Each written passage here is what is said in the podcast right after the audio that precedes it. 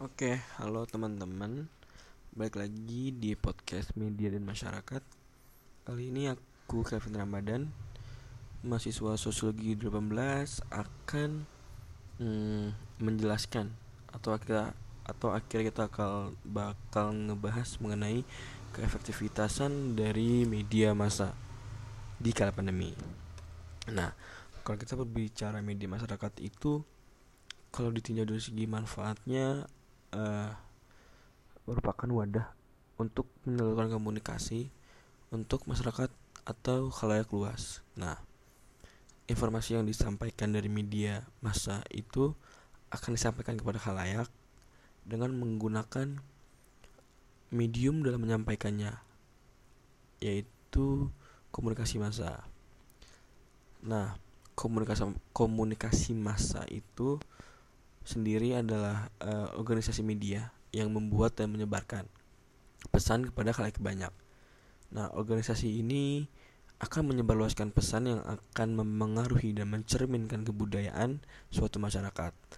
Lalu informasi mereka akan menghadirkan serentak akan ditampilkan serentak kepada khalayak luas yang beragam.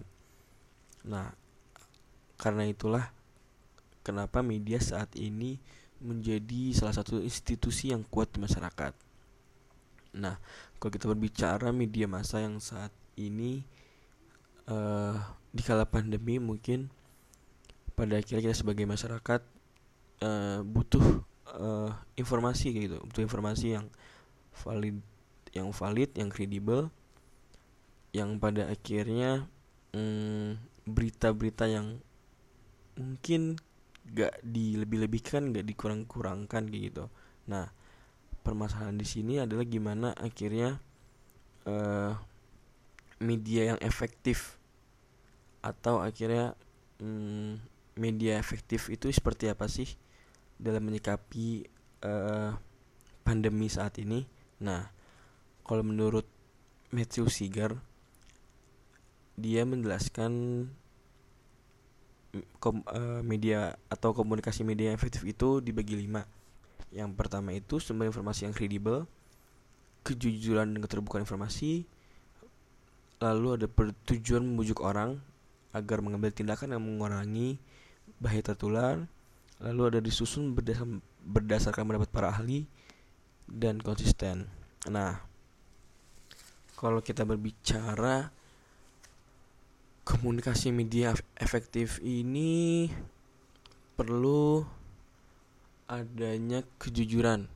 Nah, kejujuran ini perlu uh, gunanya untuk mengomunikasikan apa yang diketahui dan tidak diketahui terkait risiko apa nanti ke depannya. Nah, uh, melalui kejujuran juga uh, kita bisa akhirnya menghindari upaya menyembunyikan informasi dengan dalih menghindari terjadinya kepanikan dan menawarkan skenario yang terlalu optimistis dan akhirnya ada kemungkinan uh, suara-suara yang akhirnya mengekspresikan kekhawatiran itu dibungkam. Nah, menurut Sandman uh, 2004 ia mm, menjelaskan bahwa salah satu catatan terpenting dalam keterbukaan informasi adalah pemerintah harus e, mampu melakukan komunikasi yang meyakinkan tanpa berlebihan. Nah, kalau kita e, sedikit menengok ke belakang pada awal ya awal masa sebelum COVID ini merebah luas di Indonesia itu uh, kita melihat ada salah satu hmm, apa ya ibaratnya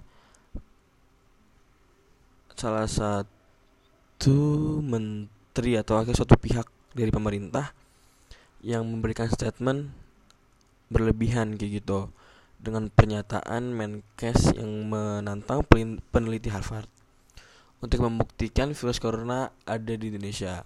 Nah, pernyataan Menkes itu uh, mengatakan bahwa masyarakat Indonesia dengan difteri saja tidak takut apalagi corona. Nah, tidak hanya itu mungkin ada beberapa pernyataan dari para, para pejabat pemerintah lainnya yang hampir sama kayak gitu. Nah, hal-hal tadi akan menimbulkan dampak yang kontraproduktif terhadap upaya mencegah meluasnya pandemi kayak gitu seperti apa yang tadi dijelaskan oleh Sandman uh, untuk melakukan keterbukaan informasi dan kita harus mampu melakukan komunikasi yang meyakinkan tanpa berlebihan. Nah ini uh, apa yang dikatakan Sandman itu berseberangan dengan apa pernyataan dari Menkes dan akhirnya mungkin upaya mencegah pandemi itu sedikit terhambat gitu dengan apa yang disampaikan oleh dari pihak pemerintah. Nah, untuk mewujudkan komunikasi media efektif itu ada beberapa hambatan. Nah, aku di sini ngelihat ada hambatan utama yang yaitu berkenaan dengan uh, privasi. Nah, privasi ini menjadi suatu kontroversi saat ini, yaitu privasi antar pasien yang terkena COVID dengan kepentingan masyarakat dalam upaya mencegah meluasnya pandemi. Nah, kalau berbicara uh, pencegahan dalam rangka uh, meluasnya pandemi membutuhkan keterbukaan informasi uh, terutama berkaitan dengan pasien yang dinyatakan positif. Nah, di Korea Selatan pemerintah itu menyebarkan data pasien. Jadi data pasien itu di di list secara lengkap per orang itu mencakup domisili, tempat bekerja, lalu uh,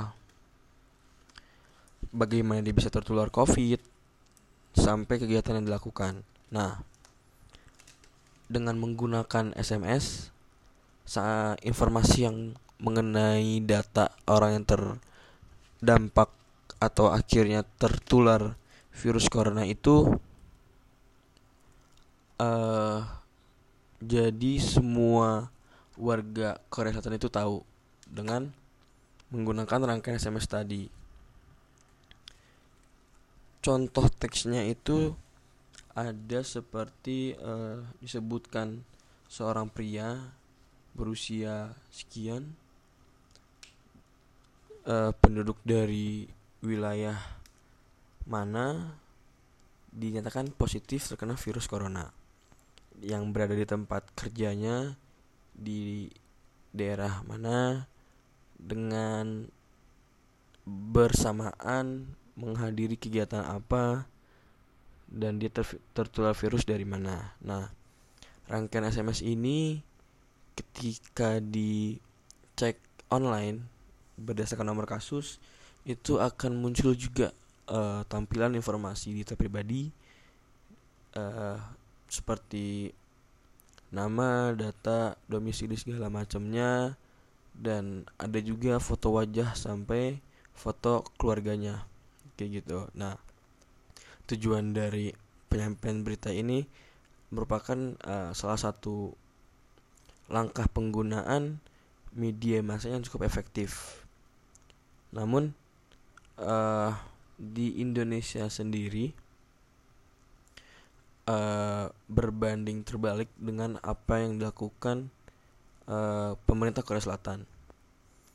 Di Indonesia di Indonesia saat ini terkait um, informasi mengenai data pasien yang terkena COVID itu merupakan hal yang privasi kayak gitu dan hal itu uh, juga dibahas dalam perundang-undangan yang menyebutkan di pasal 57 ayat 1 tentang kesehatan Undang-Undang Nomor 36 tahun 2009 2009 menyebutkan kalau setiap orang berhak atas rahasia kondisi kesehatan pribadinya yang telah dikemukakan kepada penyelenggara kesehatan.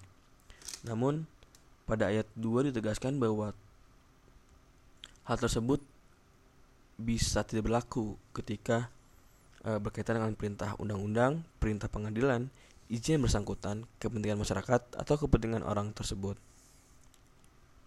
Lalu uh, pada pengimplementasiannya pemerintah DKI memilih kebijakan untuk merepresentasikan uh, keadaan kasus corona di Jakarta itu dengan menampilkan kasus yang dipilih seperti uh, nominal atau kuantitas dari orang yang terkena virus uh, ya jumlah dari berapa orang yang terjangkit virus tersebut guna memudahkan visualisasi dalam menggambarkan kronologi dan perkembangan kasus uh, virus corona itu sendiri.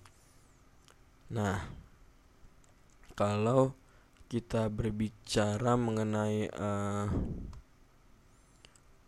komunikasi media yang efektif itu mungkin ada di pemerintah Korea Selatan kayak gitu yang di mana akhirnya dia mem, apa yang menyampaikan informasi se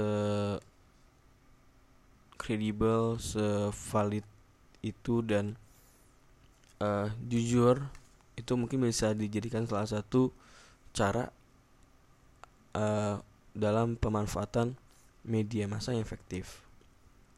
Nah, uh, lalu ketika kita berkaca pada Indonesia itu sendiri untuk me, apa ya memberi himbauan juga uh, perlu adanya studi tentang budaya masyarakat dalam menghadapi pandemi COVID-19 guna menentukan strategi apa yang paling sesuai untuk diterapkan di Indonesia.